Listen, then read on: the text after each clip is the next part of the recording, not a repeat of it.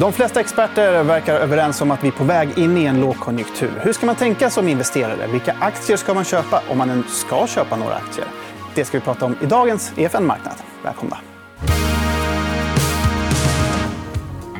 Och välkommen säger vi också till dagens gäst Fredrik Varg. Du är global chef för rådgivande kapitalförvaltning på storbanken SEB. Tackar. Vad exakt gör en chef för rådgivande kapitalförvaltning?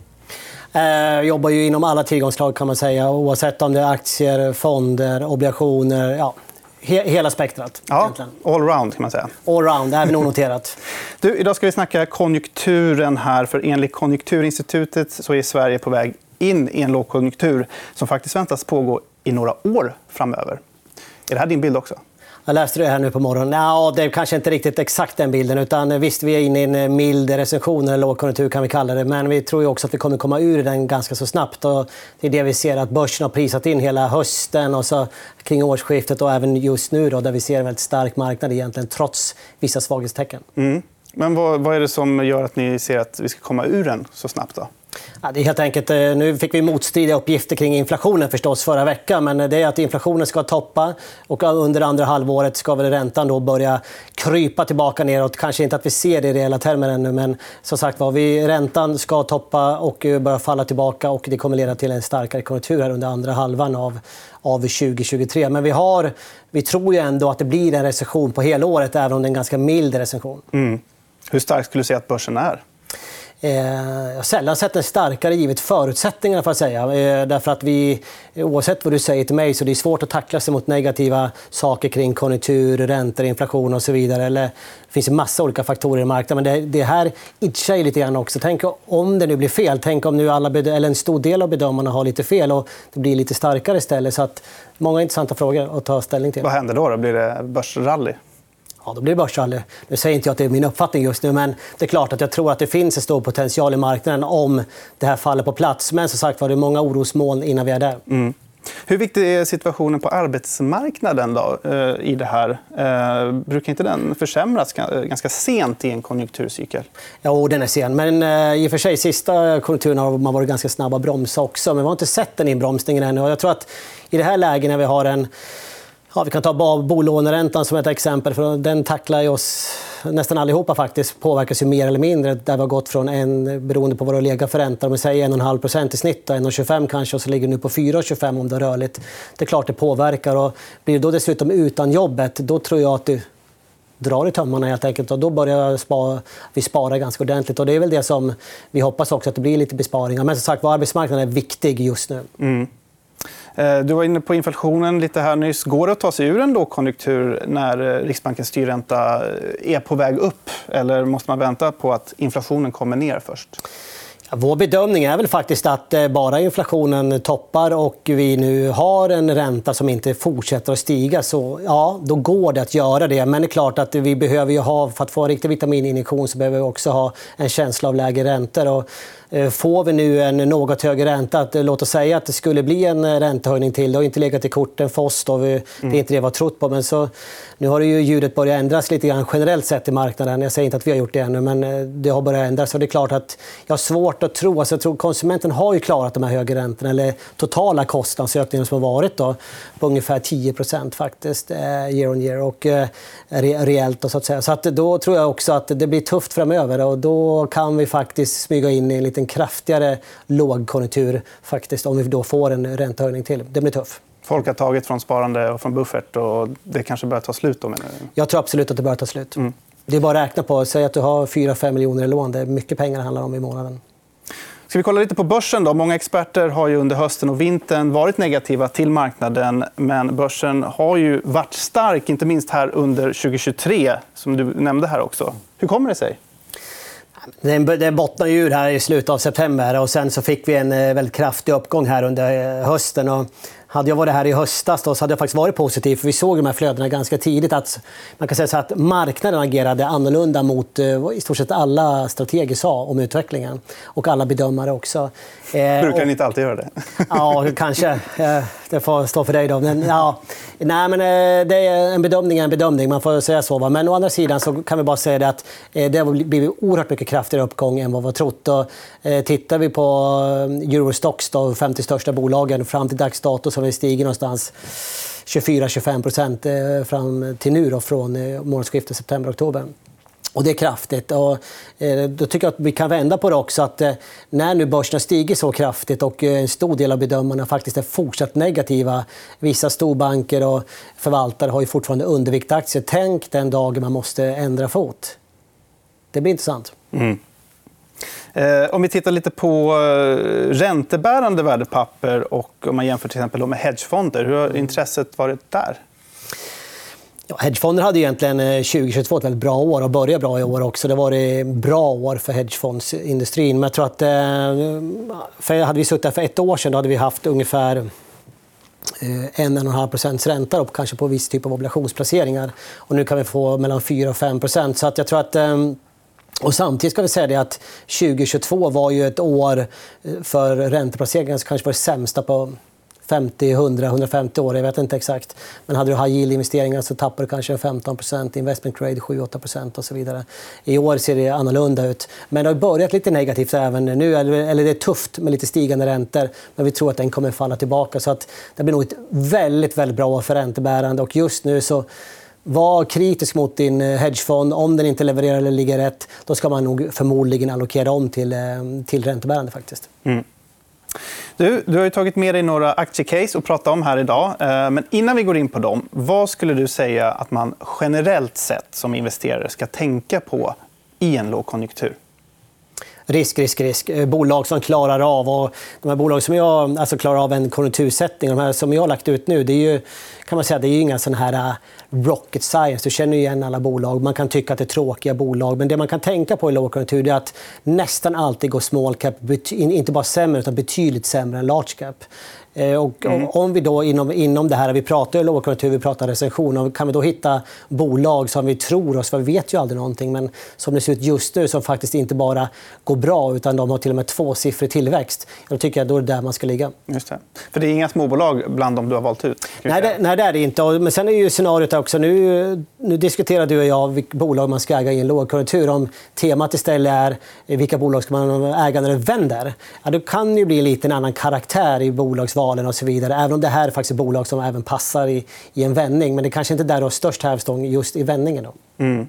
Ska vi gå in på aktiecasen? Då? Eh, det första är EQT, riskkapitalbolaget. Eh, ska vi bara gå igenom lite kort. Vad är det för sektorer och bolag som de investerar och förvärvar i? Ja, men till att börja med att eh, det jag tittar på på EQT, och här har vi en vacker graf också. Mm. Det kanske inte är exakt vilka bolag man investerar i och vilka, vilken typ av bolag. Utan det, det jag gillar med EQT är att Eh, för mig i alla fall, eh, som investerare, så är det...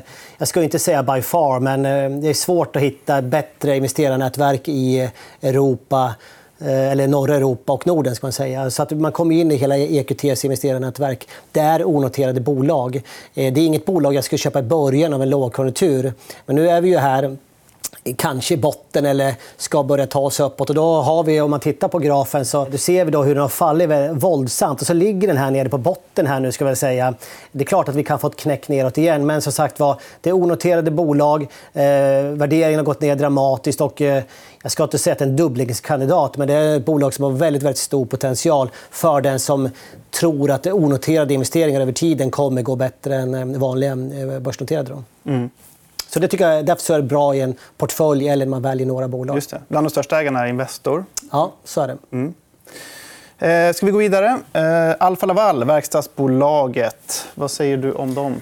Ja, men Alfa Laval fyller ju kriterierna som jag sa när vi började. Här då. Alltså, du ställer frågan vilken typ av bolag man ska äga. Och det här är ett bolag då som eh, Tyvärr så ligger de på höga börs eller kursnivåer, va? men det är ett bolag som har bra tillväxt. Tittar man på tillväxten så ligger den eh, på EPS-tillväxten i år då, eh, ligger på, eh, på ungefär 15% vilket är väldigt, väldigt positivt. Det är ju otroligt starkt. Vad, vad betyder EPS? Ja, men alltså, det är ju vinst per aktie eh, och så vidare. Va? Mm. Eh, men vi ser hela, hela sales går ju upp med 17-18 eller sånt där i år. Eh, så att vi ser att hela försäljningen, alltså omsättningen stiger, går väldigt starkt. Eh, vi ser också att man är inne i bransch som är... Alltså det gäller värme och eh, energi, inte, inte energilagring utan energibesparingar. Det. det är 40% av deras omsättning. Och det tror vi är något som kommer fortsätta att drivas på här framöver. Så att ett bolag som är perfekt i en lågkonjunktur. Just nu så växer de med ungefär 15% för att vi avrundar lite grann. Mm. Det är produkter för energieffektivisering? Ja, energieffektivisering. precis. Mm. Även olika typer av... Eh, när det gäller i hela shippingindustrin, hur man rensar och renar och så vidare så att det kommer ut eh, Ja, ja. Inte allt för onyttiga saker i havet om man uttrycker det så. så det, det, har, det gör att det här är ett väldigt bra eh, hållbarhetscase också. Eller, när man tittar på den typen av investeringar så ligger det här verkligen helt rätt i tiden. Rätt i tiden och, och stort och stabilt bolag. Absolut. Mm. absolut. Vi går vidare. Eh, mm. Nästa som du har valt är eh, den svenska storbanken Swedbank. Oj, mm. vilken kursrusning det ser ut att vara på, ja, på slutet. här. Eh, vad säger du om då?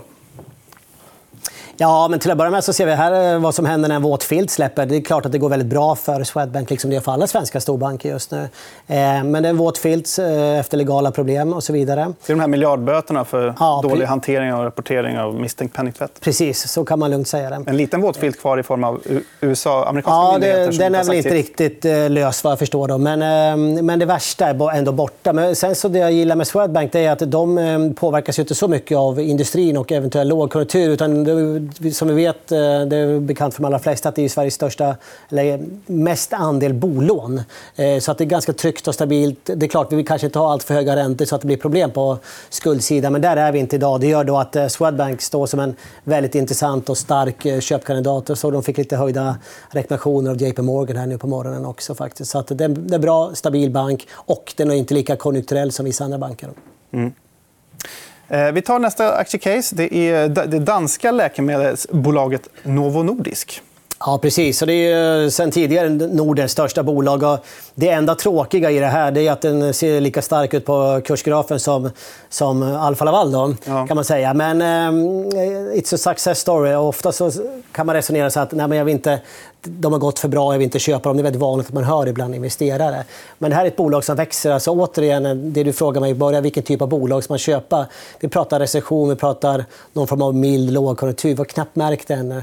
Men, men där ligger vi just nu. Och det här är ett bolag som växer med ungefär 28% 25-30 Och jag gillar den kurvan. Liksom. Det är den spelplanen vi vill ha. Därför så tror jag att Novo Nordisk kommer fortsätta bli en formidabel succé. Sen jobbar ju de, vi får inte glömma det för, för er som inte vet vad, man gör, vad de gör då, så är det mm. diabetes av, av diabetes typ 2. Då.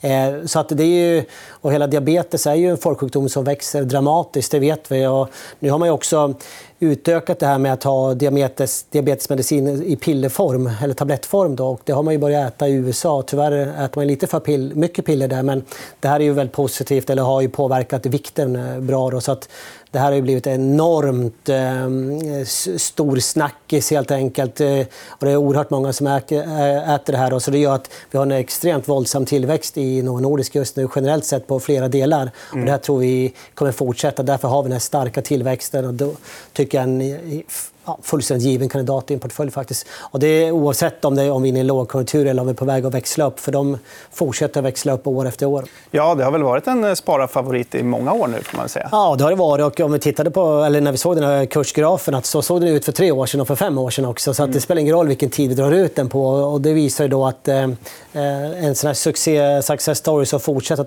fortsätter att utveckla sig på det sättet det är en intressant köpkandidat oavsett om man är långsiktig eller kortsiktig. Då. Du har eh, även plockat med ytterligare ett eh, läkemedelsbolag, eh, läkemedelsjätten AstraZeneca. Ja, precis. Så det är väl en liten, ja, litet nedställd på kursgrafen i sista. Mm. Nej, men Astra är jättebra. Astra är väl det i... Kanske det, om man tar stora medtech-världen så är det det bolag som egentligen i folkmun, eh, eller analytikermun eller hur man nu ska säga, som anses ha den starkaste forskningsportföljen just nu. Eh, Astra själva var ute häromdagen och sa det att eh, de har en stor förväntansbild på sina nya produkter som kommer komma och launchas. Och det gör då att, ehm, att de kommer ha en bra tillväxt, då, ha en bra, de har en bra försäljningspipeline helt enkelt. Däremot så här pratar vi inte alls om samma tillväxttal som på Novo Nordisk. Här pratar vi kanske strax under 5% istället för 25-30% Så det är klart att det är, en, det är en annan typ av resa. Men en trygg, bra resa och det är en resa som kommer fortsätta. Mm. Ja, eh, det var fem snabba aktiecase där i en, att äga i en lågkonjunktur. Men då mm. kanske inte om det inte blir en lågkonjunktur eller om lågkonjunkturen blir inte så djup. Då, kanske. Ja, men precis. Det är, alltid, det är alltid en balans vad man är ute efter som investerare. Och vill man eh, satsa på, som jag, då, jag tror ju faktiskt eh, att eh, inflationen toppar. Även om det går emot just nu, sen en och en halv vecka tillbaka, så tror jag att vi får en topp av inflation och att räntan då på ett eller annat sätt kommer toppa också. Nu ser vi att amerikanska tioåringen ligger 3,95 nu så det gör ju riktigt ont i hjärtat. Det är inte bra mm. för börsen. Och fortsätter det så kommer vi få en ganska så, ska inte säga snabb rekyl neråt, men vi borde ha en viss rekyl neråt. Men jag tror ändå att vi kommer få en, ett uppställ. då, det här är jättebra bolag som håller i ett uppställ på börsen men man kan ju också söka bolag som har lite annorlunda hävstång. Då. Och då kan det vara bolag som inte pratar om nu, då, men det kan vara som är lite mer konsumtionsrelaterat som Dometic till exempel, Electrolux. Eller, mm. ja, men de här bolagen kanske är lite mer krockkudde? Om det ja, men det är en helt annan krockkudde. Ja. Det går inte att jämföra. Ta bolag som Dometic som jag råkar nämna precis, eller H&M eller vad det nu må vara. Det är klart att de påverkas ju direkt av privatkonsumtion. Mm. Och här är ju ja, helt, helt annan tillväxt just nu. Då. Så hur djup blir lågkonjunkturnedgången, tror du? Utifrån vad vi vet just nu så tror inte jag att den blir så stor. Utan visst, det kommer fortsätta backa lite grann. Och på något sätt så har vi fått skjuta fram det här som ni säkert vet ett antal kvartal. Vi trodde väl att det skulle vända redan för ett halvår sedan. Alltså, de har fått flytta fram det här. Och det just nu så känns det som att vi kanske får flytta fram det ytterligare lite grann. Då. Eh, och, och, så vidare. Och, eh, inflationen, det skulle, om, om vi tar på oss och är lite negativa då, och säger att inflationen inte har vänt ner utan den kommer fortsätta. Då får vi skjuta allting framför oss. Och det, är, det är det här som är utmanande just nu. att En stor del av investerarkollektivet är negativa, har varit negativa, har en undervikt aktier. Strateger, en stor andel av eh, strateger och analytiker är negativa, har en undervikt aktier. Men, ändå, men varför går då börsen upp? Eh, jo, det, är det är ju helt enkelt så att jag kan inte tolka på något annat sätt att man tror att 2024 blir ett relativt bra konjunkturellt år och då ska börsen stiga från nuvarande nivåer. Mm. Vi får se hur det går. helt enkelt. Hoppas publiken har blivit lite klokare i alla fall gällande hur man ska investera under en lågkonjunktur. Fredrik Warg, global chef för rådgivande kapitalförvaltning på SEB. Stort tack för att du kom hit idag. Tack så mycket. Du har lyssnat på EFN Marknad, en podd som produceras av EFN Ekonomikanalen. Du hittar programmet även i videoformat på Youtube och på efn.se. Kom ihåg att prenumerera på podden och följ oss gärna på Instagram för fler aktietips. Där heter vi EFN Aktiekoll. Ansvarig utgivare är Anna Fagerström.